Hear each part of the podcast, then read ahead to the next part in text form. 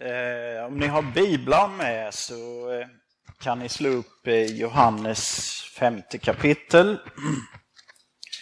Så kan vi ta vår utgångspunkt i några verser där. Johannes 5, vers 24. Amen, som betyder sannerligen. Sannerligen, sannerligen säger jag er, den som hör mitt ord och tror på honom som har sänt mig, han har evigt liv och kommer inte under domen, utan har övergått från döden till livet. Alltså, liv eller dom. Och i den 28 och 29 versen. Förvåna er inte över detta, till den stund kommer då alla som är i gravarna ska höra hans röst och gå ut ur dem. De som har gjort gott skall uppstå till liv och de som har gjort ont skall uppstå till dom. Himmel och helvete. Eh, först när jag blev tillfrågad så gällde det bara helvetet. Kan du ha en lektion om helvetet? Och jag tänkte att eh, det står ju i Bibeln om, om den platsen, eller vad det nu är. Så att det, det måste vi också undervisa om. Och Martin skojade lite och sa, då blir du helvetespredikanten efter det.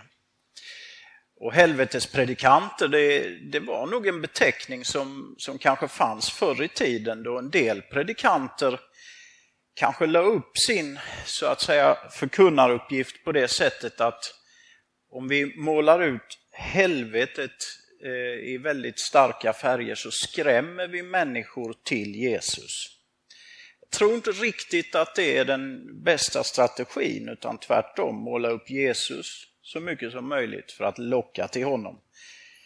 Så eh, Eh, jag vill inte vara någon helvetespredikant på det sättet, att skrämma er.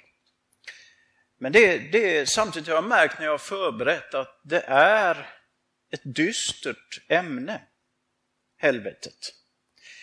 Och himlen å andra sidan är oerhört fantastiskt och glädjande.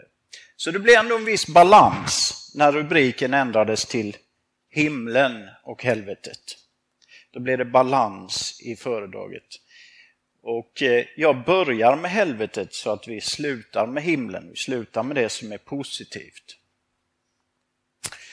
Bibeln lär om dessa båda eh, slutstationer och därför måste vi ta dem på allvar. En enkel parallell skulle kunna vara om någon vill plocka svamp och så säger någon, då måste du ha en, ett lexikon med dig. För det finns bra svampar och dödliga svampar, giftiga. Tänk då om någon säger, nej men det är lite obehaglig information, den, den boken vill jag inte ha, nu går jag och plockar svamp. Liksom, jag vill inte bekymra mig. Eh, du och jag är stadda på livets resa. Och så säger Jesus till oss, det finns två slutmål. Jag vill undervisa er om dem. Tänk då om vi skulle säga, jag, jag vill inte veta något, jag vill leva liksom, jag bekymrar mig inte. Det är inte riktigt bra. va? Utan låt oss nu titta i Guds ord vad, vad Jesus säger om de båda slutmålen. Eh, när vi nu talar om att gå evigt förlorad, så det kan vara obehagligt. Därför skulle jag vilja börja med ett, lite, ett, ett själavårdande råd. Och det är att ni var och en nu under en halv minut ber till Gud att han ska lägga de bibeltexter som jag ska läsa till rätta för er. Så att, så att det blir hans ljus över ämnet och bibeltexterna. Vi bad visserligen tillsammans innan, men jag vill att var och en ber enskilt nu.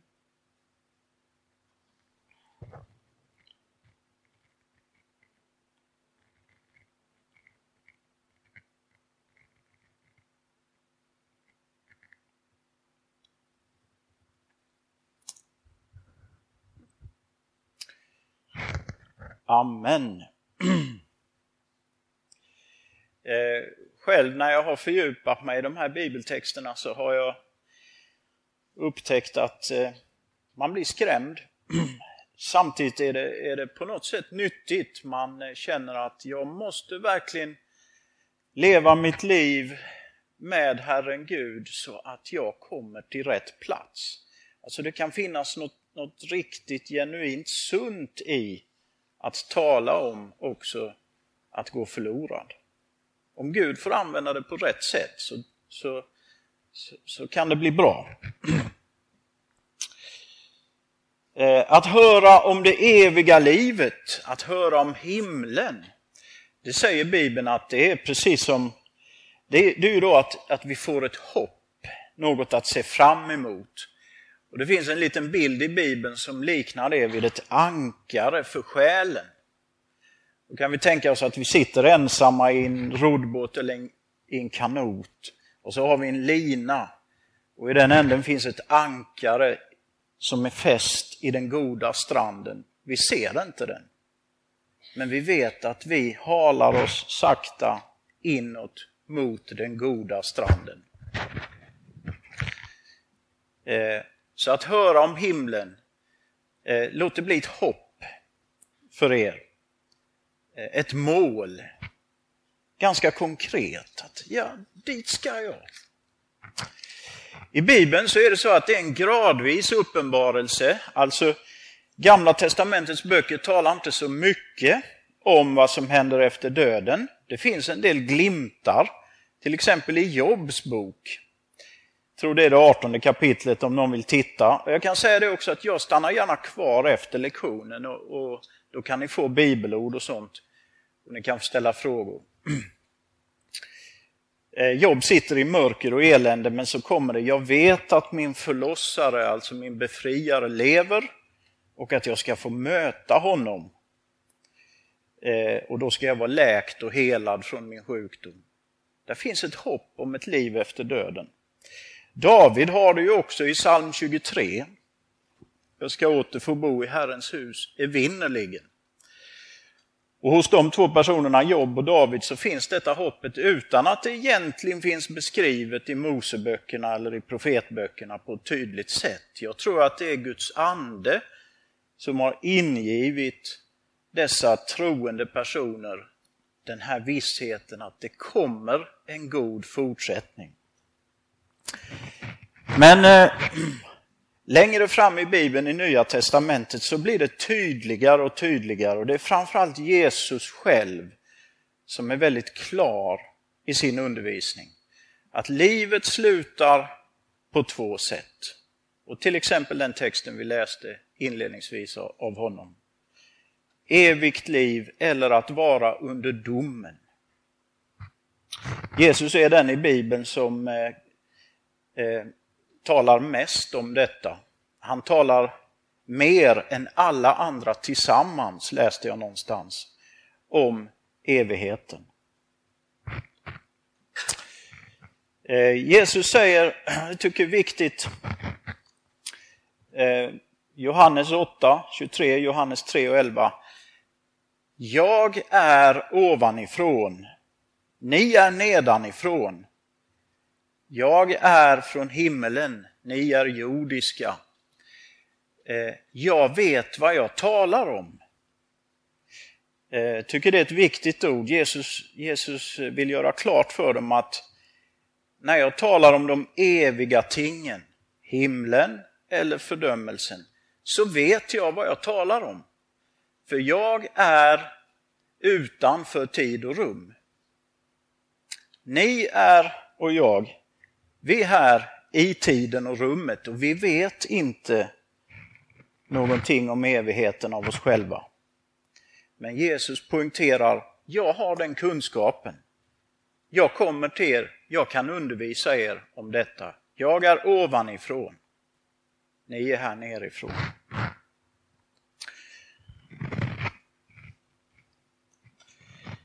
Eh. Det bör vara helt främmande för den som tror på Jesus att säga så här. Jag tror på de fina sakerna som Jesus säger. om förlåtelse och älska sin nästa, men jag tror inte på de eh, allvarliga sakerna. Jag tror att Jesus inte visste vad han talade om.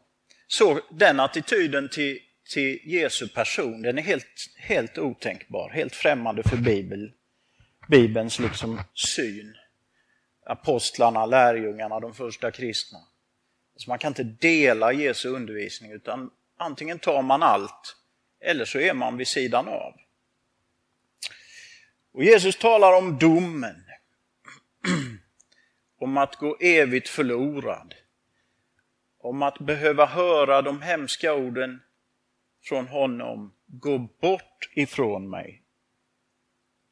Att vara utanför i mörker och i tandagnisslan, alltså att man en ångest. Och han talar också om evigt straff. Eh, innan vi går in mer i, detalj på att se vad bibeltexterna säger om de två platserna så är det en annan sak jag också vill lyfta fram. Hesekiel 33 och 11. Där säger Herren, och det, det är väldigt starkt markerat, så sant jag lever, säger Gud. Eh, jag gläder mig inte åt den ogudaktiges död. Istället vill jag att den ogudaktige vänder om från sin väg och får leva. Och i ett annat ställe i Hesekiels bok, menar ni att jag skulle gl vara glad när den ogudaktige går under?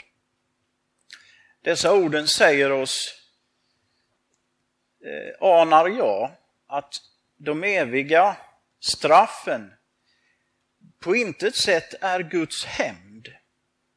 Alltså det är inte så att Gud tänker, där fick ni. Så vi kan ibland känna tillfredsställelse, eller hur? Eh, när någon som har varit lite dum mot oss kanske på något sätt råkar illa ut eller får igen. Nej, skadeglädje och hämndlystnad. Det är totalt främmande för Gud. Så sant jag lever, jag gläder mig inte över den ogudaktiges död. Eh, att gå evigt förlorad, det är en konsekvens av en människas liv. Och det är en konsekvens som gör Gud ledsen.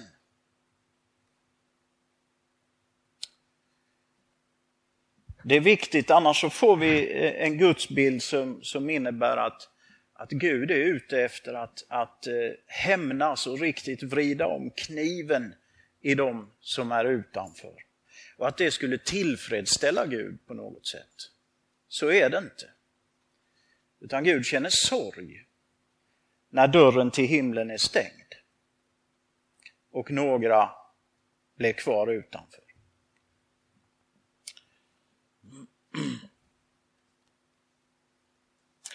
Eh, våra liv, det är ju nådatiden. Och när de är slut så, så kan vi inte ändra eh, det som har skett. Antingen har vi under nådatiden tagit emot Guds utsträckta hand genom Jesus Kristus. Eller så har vi det inte. Det är precis som i Stockholms tunnelbana man kommer till en station och man kanske skulle längre men det finns vissa tåg som inte går hela sträckan. Och så säger de, detta är slutstation för det här tåget, avstigning för samtliga. Då kan inte jag sitta kvar och, och liksom vägra inse att det är slut här i Alvik, jag skulle ju till Vällingby. Utan jag måste gå av. Och så är det när livet är slut, då, då är det slut. Va? Och eh, då har Gud under livstiden sagt, han har stått med utsträckta händer och sagt Kom och lär känna mig. Kom och se att jag är god. Se vad jag har gjort genom Jesus, min son. Tro på honom, rena er i hans blod som renar från all synd så att ni övergår från döden till livet. Det är ett bra uttryck, det senare. Att övergå från döden till livet. Under nådatiden. Det är nödvändigt. Därför att en syndare måste dö. Eh, det är därför det är så att inte alla kommer till himlen. Den som är kvar i sina synder kan inte få evigt liv i Guds närvaro. Det står i Uppenbarelseboken om himlen att dit in kan inget orent komma. Då, då blir det helt fel och inget orent kan vistas i Guds närvaro. Vi är ju av naturen egocentriska, vi är snarstuckna, självgoda, stolta, vi är falska. Och det, det, det, finns en tendens ju längre livet går att man lär sig det där bättre och bättre, att spela roller. Men i himlen så kommer bara det in som är alltigenom gott, sant, rättfärdigt. Det andra måste bort. Och det är under livstiden som du har fått möjligheten att övergå från döden till livet. När livstiden är slut, då är slutstationen nådd. Då är det avstigning för samtliga resenärer. Och sen kommer domen. Där är Bibeln så oerhört tydlig. Och den som då är kvar i sin synd måste dö vara i den eviga döden. Eh, när man nu resonerar om sånt här så kan man lätt komma in på sidospår. Jag ska nämna någon tanke som man kan tänka, har då alla människor verkligen fått chansen att omvända sig? Och där säger Paulus i Romarbrevet att människor är utan ursäkt. Därför de har haft vittnesbörd. Dels så har skapelsen predikat att det måste finnas en vis, fantastisk skapare. Och dels har samvetet talat om att det du just nu gjorde var, var, var inte bra. Men det du gjorde för en stund sedan mot den personen, det var bra. Alltså någonting finns inom oss själva. Och, och sen kan man fördjupa sig i det här med hur mycket olika människor har fått veta och så. Och den diskussionen får ni ta med era ledare senare. Men, eh, alltså, men det, det, är en slutstation, då får alla kliva av och så, och så möter de domen. Och då menar faktiskt Bibeln att alla, även om det varit olika, så har i princip alla människor haft möjligheten att vända sig till Gud och ropa på hjälp. Det står också i Apostlagärningarna, Paulus håller ett tal och säger att Gud är nära varje människa. Ja, vad händer då? Och då börjar vi med helvetet. Och först då en missuppfattning som man kan stöta på ibland när man undervisar i religion och diskuterar med sådana som är i er ålder. Då kan någon eh, säga, jag vill ju mycket hellre till helvetet. Där blir det lite rock'n'roll och lite coolt, för det är djävulen som styr där och det är liksom, kan man vara lite elak och så, passar mig bättre. Eh, det är bara det att det är helt fel bild. Det finns också tavlor i, i vissa kyrkor och, och sådär i, i konsthistorien där man ser människor som plågas av små demoner med olika vapen som de sticker och så. Det är också en fel bild. Bibelns bild är att djävulen kastas i den brinnande sjön och hela hans anhang. Och där är inte han någon slags kung, utan där plågas han för alltid som ett straff. Och det, där vill inte vi vara, eller hur? Nej. Eh, och jag ska läsa i Uppenbarelsebokens 20 kapitel, vers 10. Uppenbarelseboken 20 och 10. Och djävulen som hade bedragit dem kastades i sjön av eld och svavel, där också vilddjuret och den falska profeten är. Och de skall plågas dag och natt i evigheternas evighet. Bara stänga av min mobil. Så. Alltså, där är inga demoner som är någon slags småtortyrsmästare, utan där plågas djävulen. Eh, vad händer då med människor som går förlorade? eh, ja, där kan man först konstatera att eh, om man läser till exempel biblisk uppslagsbok att de som har skrivit den, och det är goda teologer, de säger att när det gäller skildringen av både himmel och helvete visar den heliga skriften återhållsamhet. Alltså de tycker att det är ganska lite skrivet i Bibeln om hur det blir i himlen och helvetet. Och det kan jag hålla med om. Eh, det finns annan litteratur inom senjudendomen och i, i, andra folk som beskriver detta mycket mer detaljerat. Men Bibeln är ganska återhållsam. Ges liksom inte, inte direkt detaljer. Eh, det så, och, och teologerna har lite olika uppfattningar. Jag ska redogöra för dem alldeles strax. Men först eh, någonting som, som kristna teologer tycks vara ganska eniga om. Och det är att när vi dör så hamnar vi i två olika väntrum. Det är det som kallas dödsriket i Bibeln.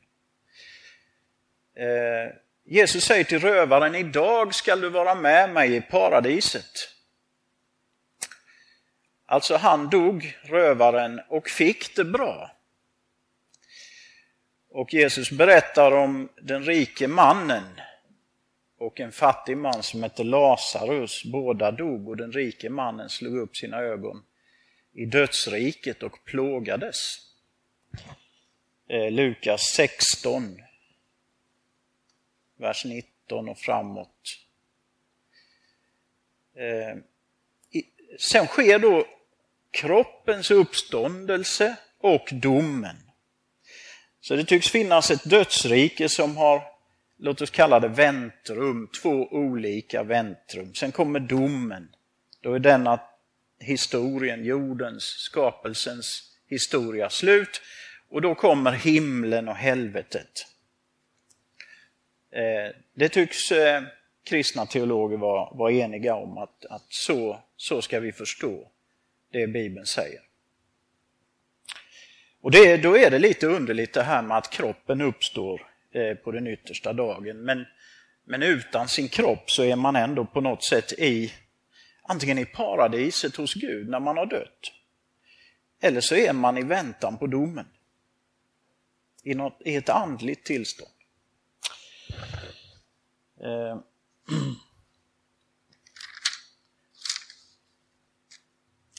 Vad är då helvetet?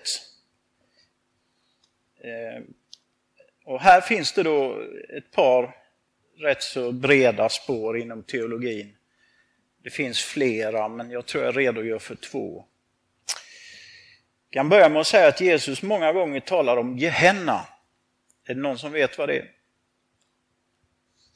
Det var någon som visste det. Eh, hur ska ni skriftlärda och fariser undgå att hamna i Gehenna? Frågar Jesus, för att varna dem. De var självgoda och sådär. Eh, och föraktade alla andra människor. Gehenna var en plats söder om Jerusalem, i en dalgång, där man brände allehanda skräp. Och det var en oren plats. Där eh, brändes döda kroppar från sådana människor som inte hade anhöriga som, som begravde dem. Korsfästa, när de togs ner från korset, deras kroppar förbrändes på den platsen. Eh, det är alltså en eld som bränner upp det som finns där och den elden det var säkert så där utanför Jerusalem att den var ständigt mer eller mindre brinnande. Det tillfördes ju hela tiden saker. På morgonen kanske det, det pyrde i den och så under dagen så slängde man på nya gamla grönsaker eller, eller för gammalt kött eller kanske lik. Och flammade upp. Alltid. Och Jesus liknar då helvetet vid den där elden som bränner upp det som är ont, det som, det som är fördärvat. Och då finns det en del teologer som, som menar att i helvetet så, så bränns saker upp. Det vill säga man plågas inte i evighet utan man förstörs. Eh, de flesta teologer och eh, säga, i vår tradition speciellt menar att det kanske inte är så utan helvetet som, som man har uppfattat det är snarare en plats där man för evigt får på något sätt existera med, med vetskapen att jag gick förlorad. Och då är elden mer en bild av en inre ångest. Jag, Eh, på uppståndelsens dag så såg jag Jesus, för det ska alla göra. Jag förstod då vad Gud har gjort för mig. Men jag tänkte inte på det medan jag levde och nu måste jag gå bort.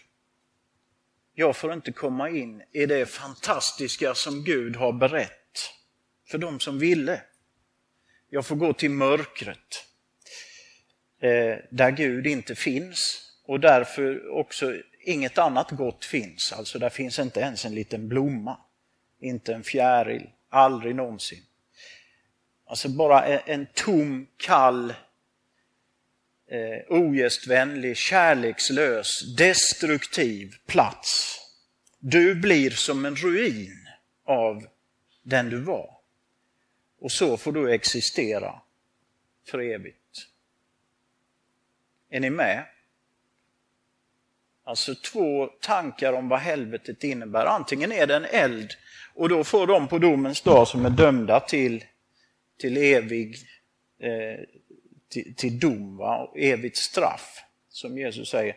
Det kan också, straffet är då inte att lida för evigt utan att här, nu, nu slocknar du bort. Det är ditt straff och det gäller för evigt, du vaknar aldrig någonsin mer. Innan dess så fick man ändå se vad man kunde varit med om. Och det andra är då alltså att man, man finns, man existerar, alltid i medvetande om vad man gick miste om. Men då är det mer en inre eld, en ångest. Det är någon som har en enkel kort kommentar eller fråga. Det här, det här kan väcka sådana tankar och känslor att man känner att jag måste bara få, inga långa grejer nu men ja, högt.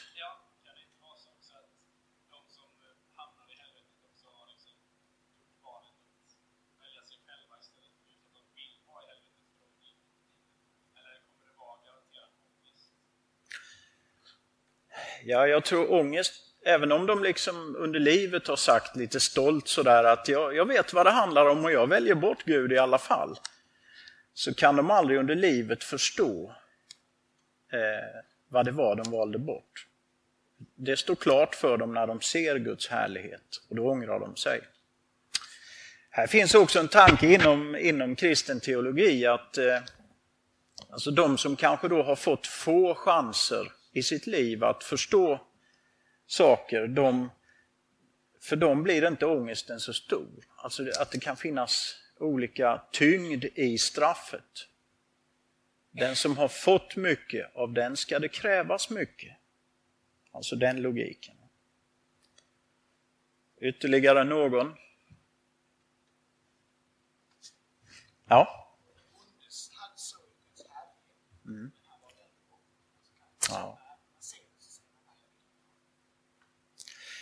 Ja, det är märkligt. Med Eh, den onde såg Guds härlighet och valde bort det. Alltså djävulen som var en hö en, en skapad ängel, mycket högt uppsatt, antyds det i några gam, böcker i Gamla Testamentet. Han gjorde ändå uppror mot Gud. Eh, valde sig själv och sin ära framför att vara underordnad Gud.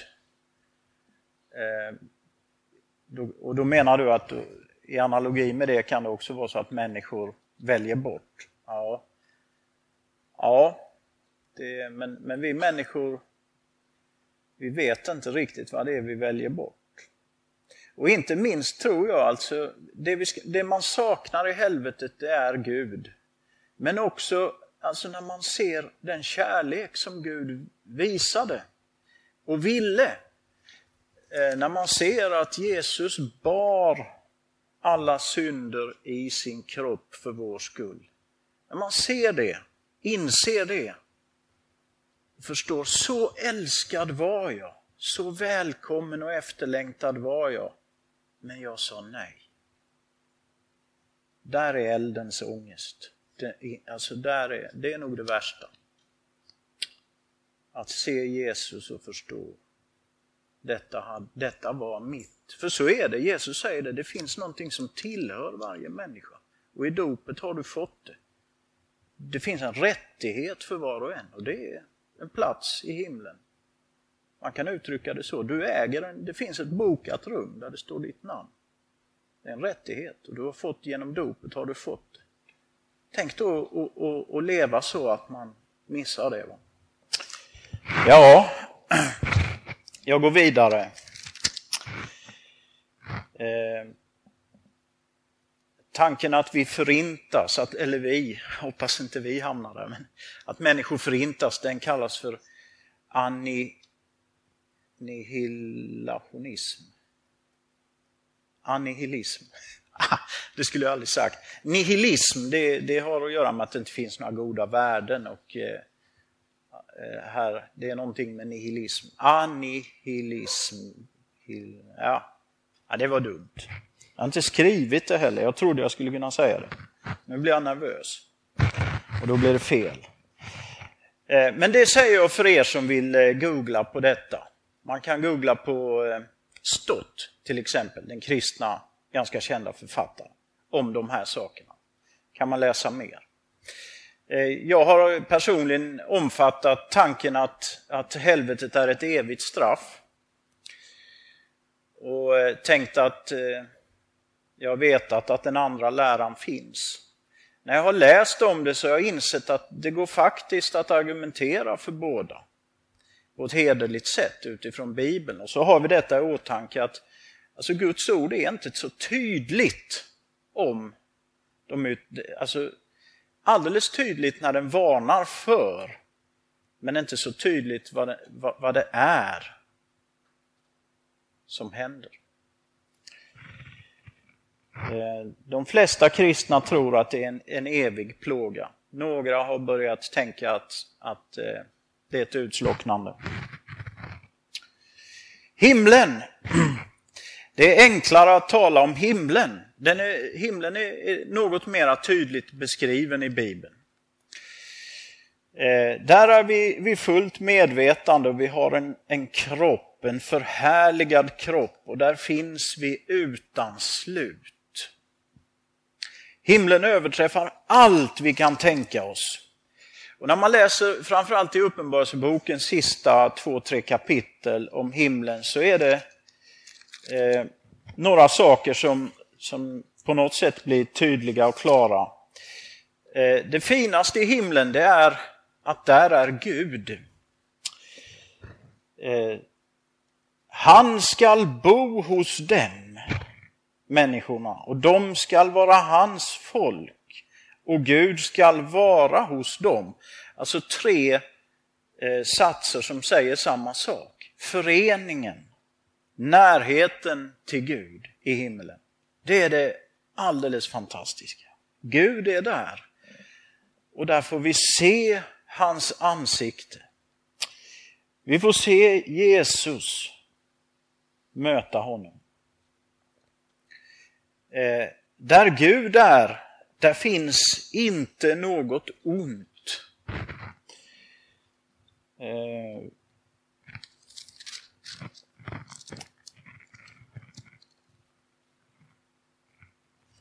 Det står att eh, ingen plåga ska vara i himmelen. Gud ska, alltså inga tårar, ingen nöd, ingen död, ingen frestelse.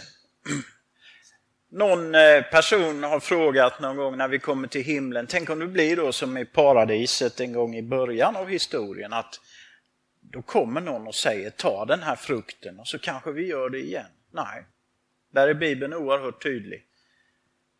Där är ingenting som kan få oss på fall. Utan där är vi trygga i evigheters evigheters evigheter. Vi är hos Gud, vi ser Jesus och vi lovsjunger Lammet som har offrat sig själv för oss.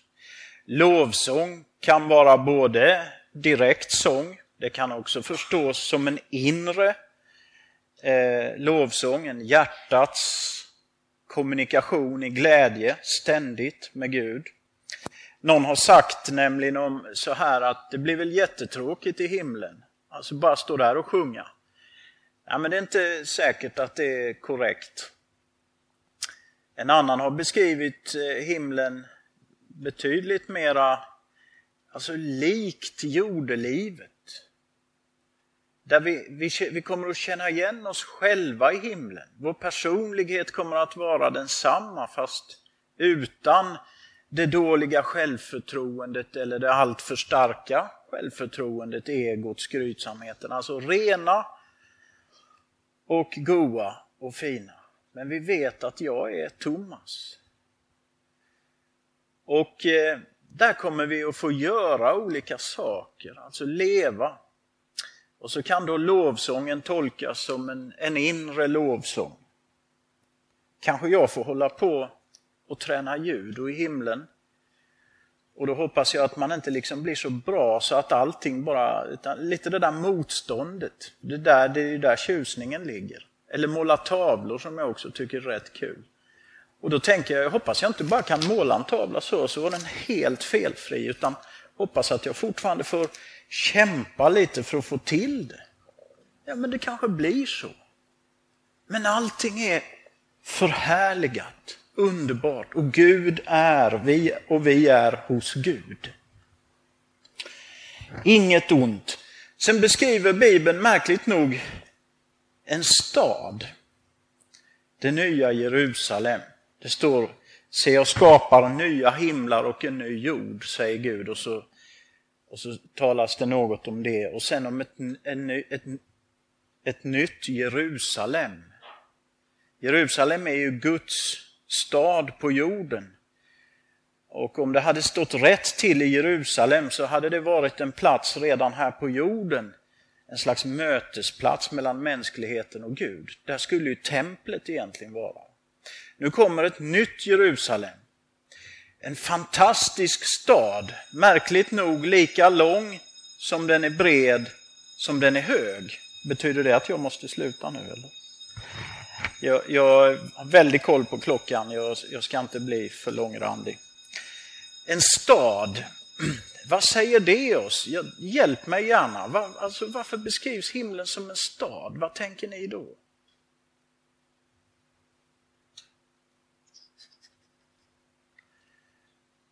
Ja, jag vet, jag tänker liksom på gemenskap. Vi bor liksom inte några där bakom den åsen och några på andra sidan den sjön, utan eh, mänskligheten bor tillsammans. Och Gud är i den staden. Det behövs ingen sol, därför Gud är ljuset. Det finns en flod som går genom staden och det finns träd som växer där. Så att vi kan tänka oss att i den nya skapelsen finns naturen. Djur nämns inte vad jag vet, men jag tänker mig när det står att Gud skapar nya himlar och en ny jord, att alltså det är själva skapelseverket som ju blev förstört eh, då synden kom in och döden. Som görs om och nu går det inte att förstöra det. Så vi ska få leva på en, en ny jord. Med allt vad det innebär. Så tänker jag. En oerhörd skönhet, ni vet kanske det här med gator av guld och så, det är symbolspråk i första hand. Det är inte rent guld, det står att det är något genomskinligt guld till och med. Men jag gillar att tänka på portarna. Eh, staden har portar eh, och de är öppna så man kan komma och gå lite kanske. Men portarna ska vara gjorda av ädelstenar. Tänk sådana här vita pärlor som eh, kanske mamma har i ett halsband. Sådana vita, eh, svagt glänsande. Det är ganska vackra pärlor. Tänk om man tar en sån och förstorar den så den blir kanske 50 meter i omkrets. Och så lägger man den på marken, kanske får gräva ett litet hål så man får ner den. Och så borrar man en gång, kanske 10 meter bred, välvd så här. Och så är det en port Tänk att gå genom den pärlan, känna på väggarna så. Va? Titta på golvet. Och det, det, alltså, det säger någonting om skönheten i himlen. När staden beskrivs att pärlorna är, eller portarna, är, det är tolv olika portar, tolv olika pärlor. Det, det är inte så lätt att förstå, men ändå finns det något att jobba med här uppe i knoppen. Det blir fantastiskt fint.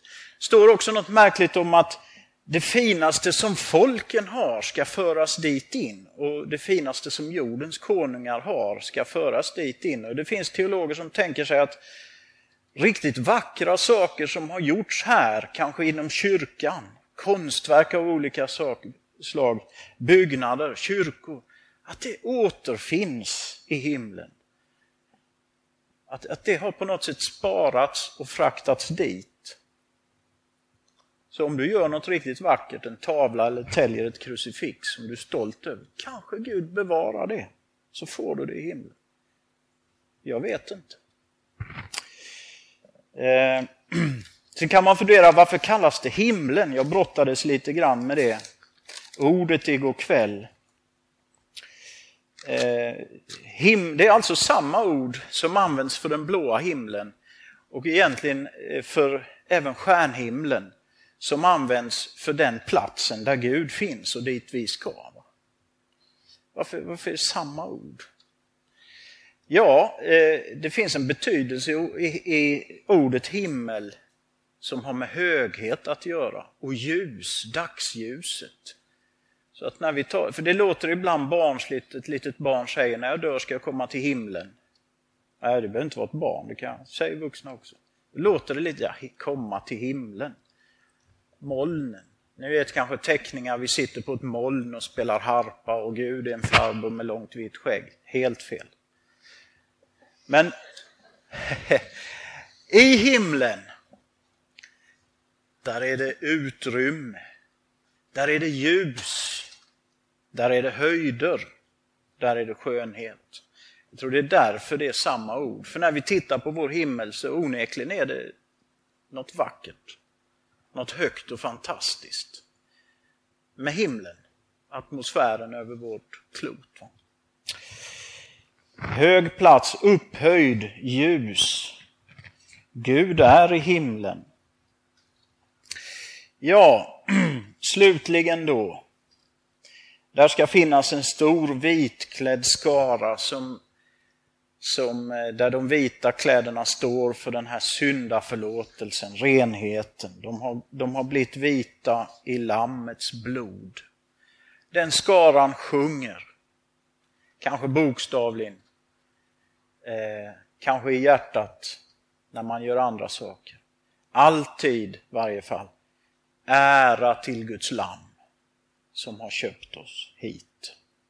Se till att ni inte missar det målet. Amen.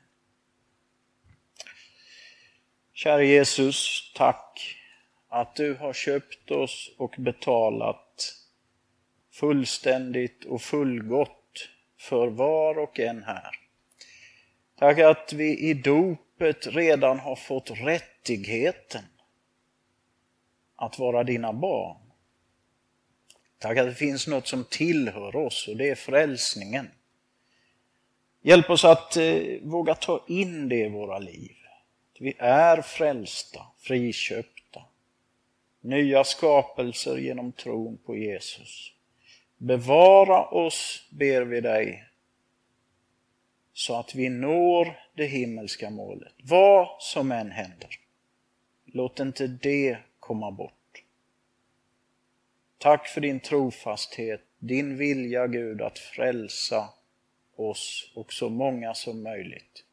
Välsigna detta läger och mig också. Amen.